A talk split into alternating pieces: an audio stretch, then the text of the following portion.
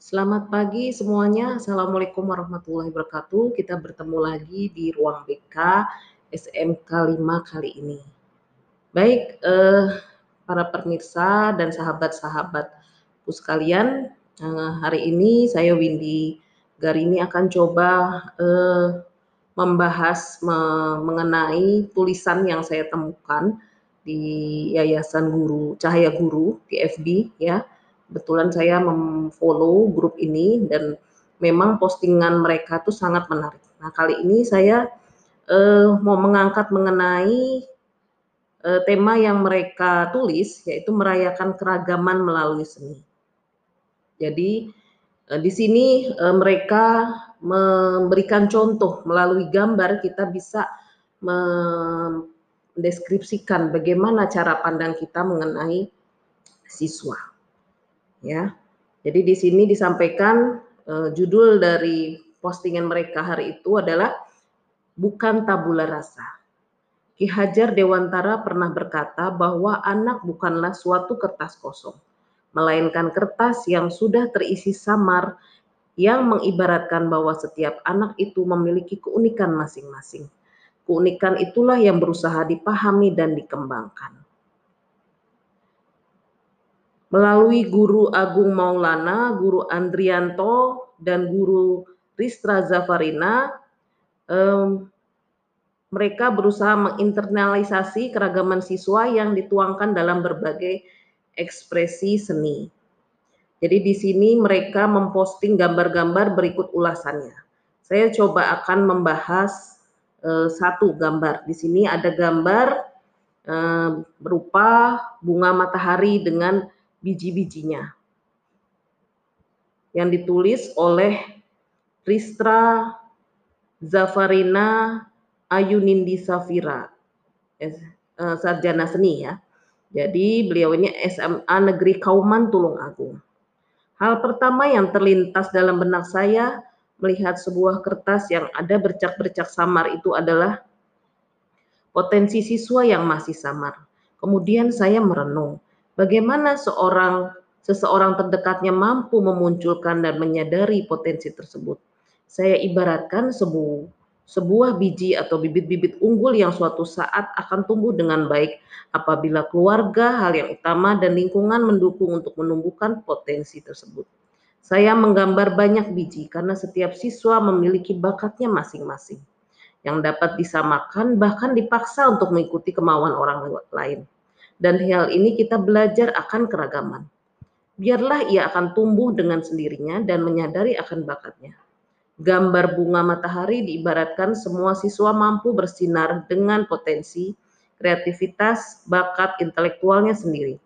Hal yang terpenting adalah sebuah dukungan, rasa cinta dan menyadari akan kemampuan yang dimiliki siswa. Dan siswa berhak untuk bersinar dengan caranya sendiri. Ya. Jadi eh, guru Ristra ini mencoba mendeskripsikan gimana kita memandang siswa dengan gambar bunga matahari berikut biji-bijinya.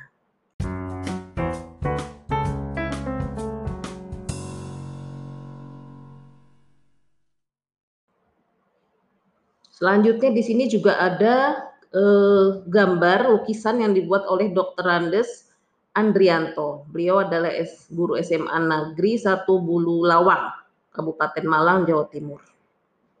Ya, jadi di sini deskripsinya minuman tumpah, ya. Setiap manusia pasti mempunyai kemampuan mencari solusi untuk setiap permasalahan yang dihadapinya. Demikian juga kalau kita dihadapkan pada sebuah media gambar yang diharapkan warnanya putih atau polos, tiba-tiba kertas yang akan kita gambari ternyata sudah ada bercak warna-warni kemudian akan muncul ide untuk memanfaatkan bercak warna yang ada di kolaborasi menjadi karya yang indah. Kertas kosong yang saya harapkan ternyata sudah ada bercak warna-warni.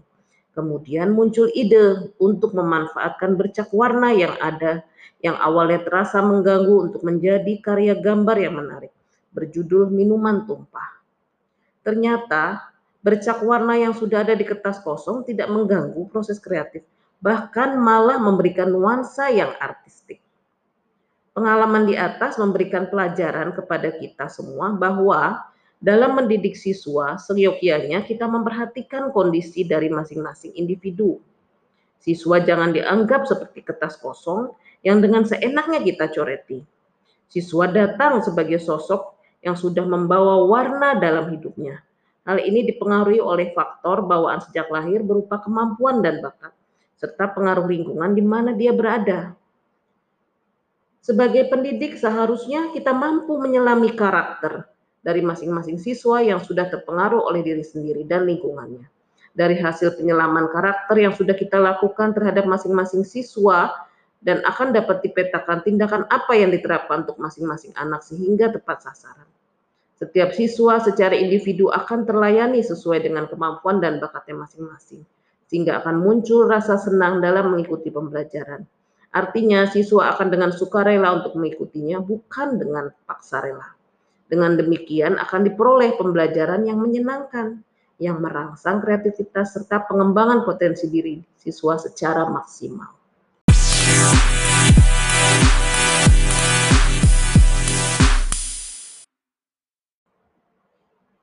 Selanjutnya di sini juga ada eh, gambar lukisan yang dibuat oleh Dr. Andes Andrianto. Beliau adalah guru SMA Negeri 1 Bulu Lawang Kabupaten Malang, Jawa Timur. Ya, jadi di sini deskripsinya minuman tumpah. Ya.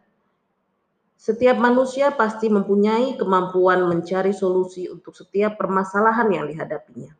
Demikian juga kalau kita dihadapkan pada sebuah media gambar yang diharapkan warnanya putih atau polos, tiba-tiba kertas yang akan kita gambari ternyata sudah ada bercak warna-warni kemudian akan muncul ide untuk memanfaatkan bercak warna yang ada di kolaborasi menjadi karya yang indah. Kertas kosong yang saya harapkan ternyata sudah ada bercak warna-warni. Kemudian muncul ide untuk memanfaatkan bercak warna yang ada yang awalnya terasa mengganggu untuk menjadi karya gambar yang menarik, berjudul Minuman Tumpah. Ternyata bercak warna yang sudah ada di kertas kosong tidak mengganggu proses kreatif, bahkan malah memberikan nuansa yang artistik. Pengalaman di atas memberikan pelajaran kepada kita semua bahwa dalam mendidik siswa, seyogyanya kita memperhatikan kondisi dari masing-masing individu. Siswa jangan dianggap seperti kertas kosong yang dengan seenaknya kita coreti. Siswa datang sebagai sosok yang sudah membawa warna dalam hidupnya. Hal ini dipengaruhi oleh faktor bawaan sejak lahir berupa kemampuan dan bakat serta pengaruh lingkungan di mana dia berada. Sebagai pendidik, seharusnya kita mampu menyelami karakter dari masing-masing siswa yang sudah terpengaruh oleh diri sendiri dan lingkungannya. Dari hasil penyelaman karakter yang sudah kita lakukan terhadap masing-masing siswa dan akan dapat dipetakan tindakan apa yang diterapkan untuk masing-masing anak sehingga tepat sasaran. Setiap siswa secara individu akan terlayani sesuai dengan kemampuan dan bakatnya masing-masing sehingga akan muncul rasa senang dalam mengikuti pembelajaran. Artinya siswa akan dengan sukarela untuk mengikutinya, bukan dengan paksa rela. Dengan demikian akan diperoleh pembelajaran yang menyenangkan, yang merangsang kreativitas serta pengembangan potensi diri siswa secara maksimal. Lalu kalau kita pikir lagi di mana lagi kemungkinan kendala yang akan kita hadapi pasti banyak. Karena bisa jadi apa yang eh, kita hadapi karakter, perilaku, pola pikir siswa yang datang kepada kita dengan berupa wujud tadi, eh, coretan warna yang berbeda-beda atau kotoran-kotoran yang berbeda-beda yang menempel pada kertas. Nah, itu bisa jadi kita tidak siap karena bisa jadi mereka itu bertentangan dengan selera kita. Kita nggak suka kalau bercak itu misalkan hanya dominan warnanya hitam. Kita ingin e, bercak itu lebih berwarna, lebih terang warnanya, bukan kelam gitu. Atau kita suka, tidak suka ketika kertas itu banyak kotoran. Kita ingin kertas itu e, bersih kembali. Nah ini berarti kembali lagi kepada treatment kita, cara kita, strategi kita sebagai guru, terutama guru BK, gimana kita bisa memahami keunikan masing-masing siswa kita. Ya saya anggap itu bukan trouble, bukan masalah, tapi tadi keunikan siswa masing-masing siswa yang mereka bawa dari rumah, yang mereka bawa dari lingkungan masyarakat, itu yang harus kita terima terlebih dahulu, kita sadari. Gitu. kita pandang itu bahwa menjadi tantangan buat kita. Bagaimana uh, mereka bisa menjadi pribadi uh, sesuai dengan harapan kita dan sesuai juga dengan harapan mereka sebagai seorang pribadi yang unik. Jadi karena ketika kita uh, menanamkan nilai, tidak serta-merta nilai kita itu bisa semua akan kita paksakan masuk ke dalam diri mereka. Karena itu tadi perlu adaptasi, penyesuaian, proses. Dan itu memang perlu waktu Bapak Ibu dan pemirsa sekalian. Intinya ya tetap kita harus tetap bersemangat, kita tetap harus e, bersabar dengan proses pendidikan yang bisa dikatakan seumur hidup. Itu karena manusia ini pada intinya bukan produk, bukan barang Nah, dia akan berproses, bertumbuh, berkembang yang memerlukan waktu.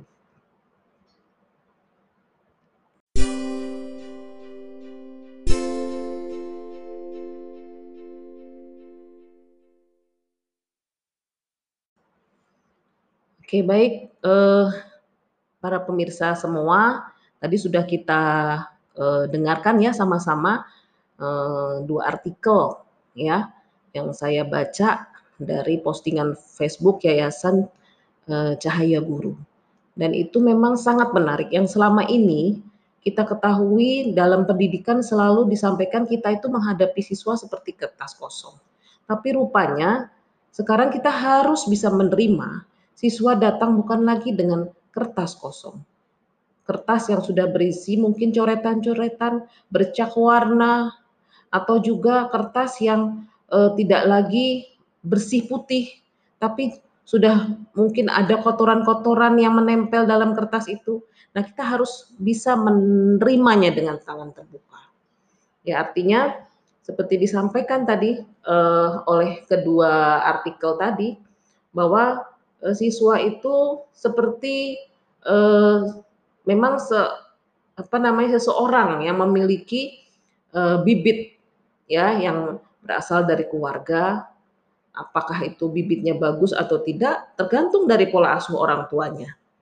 Atau juga tadi diibaratkan dengan bercak warna, kotoran, atau coretan. Sejauh mana keluarga dan lingkungan yang mempengaruhi pola pikirnya, bagaimana mereka semua itu mempengaruhi e, karakter yang tumbuh di dalam dirinya, bagaimana nilai budaya, nilai agama, nilai sosial, yang ditanamkan dari sejak kecil oleh keluarga dan masyarakat yang akhirnya e, berwujud dari berwujud menjadi karakter atau perilaku yang kita lihat ketika dia masuk ke sekolah gitu.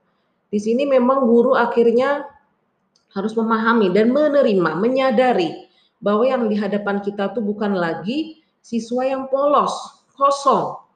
Mereka datang ke sekolah kita dengan seabrek isi yang harus kita pilah-pilah, yang harus kita filter kembali, mana yang harus bisa kita pertahankan, mana yang harus kita perbaiki, mana yang harus uh, kita kembangkan untuk menjadi uh, potensi yang unggul, mana yang bisa itu kita uh, pupuk ya, kita munculkan menjadi prestasi yang uh, gemilang. Nah, ini memang tantangan untuk kita semua dan memang itu perlu proses dan tidak mudah.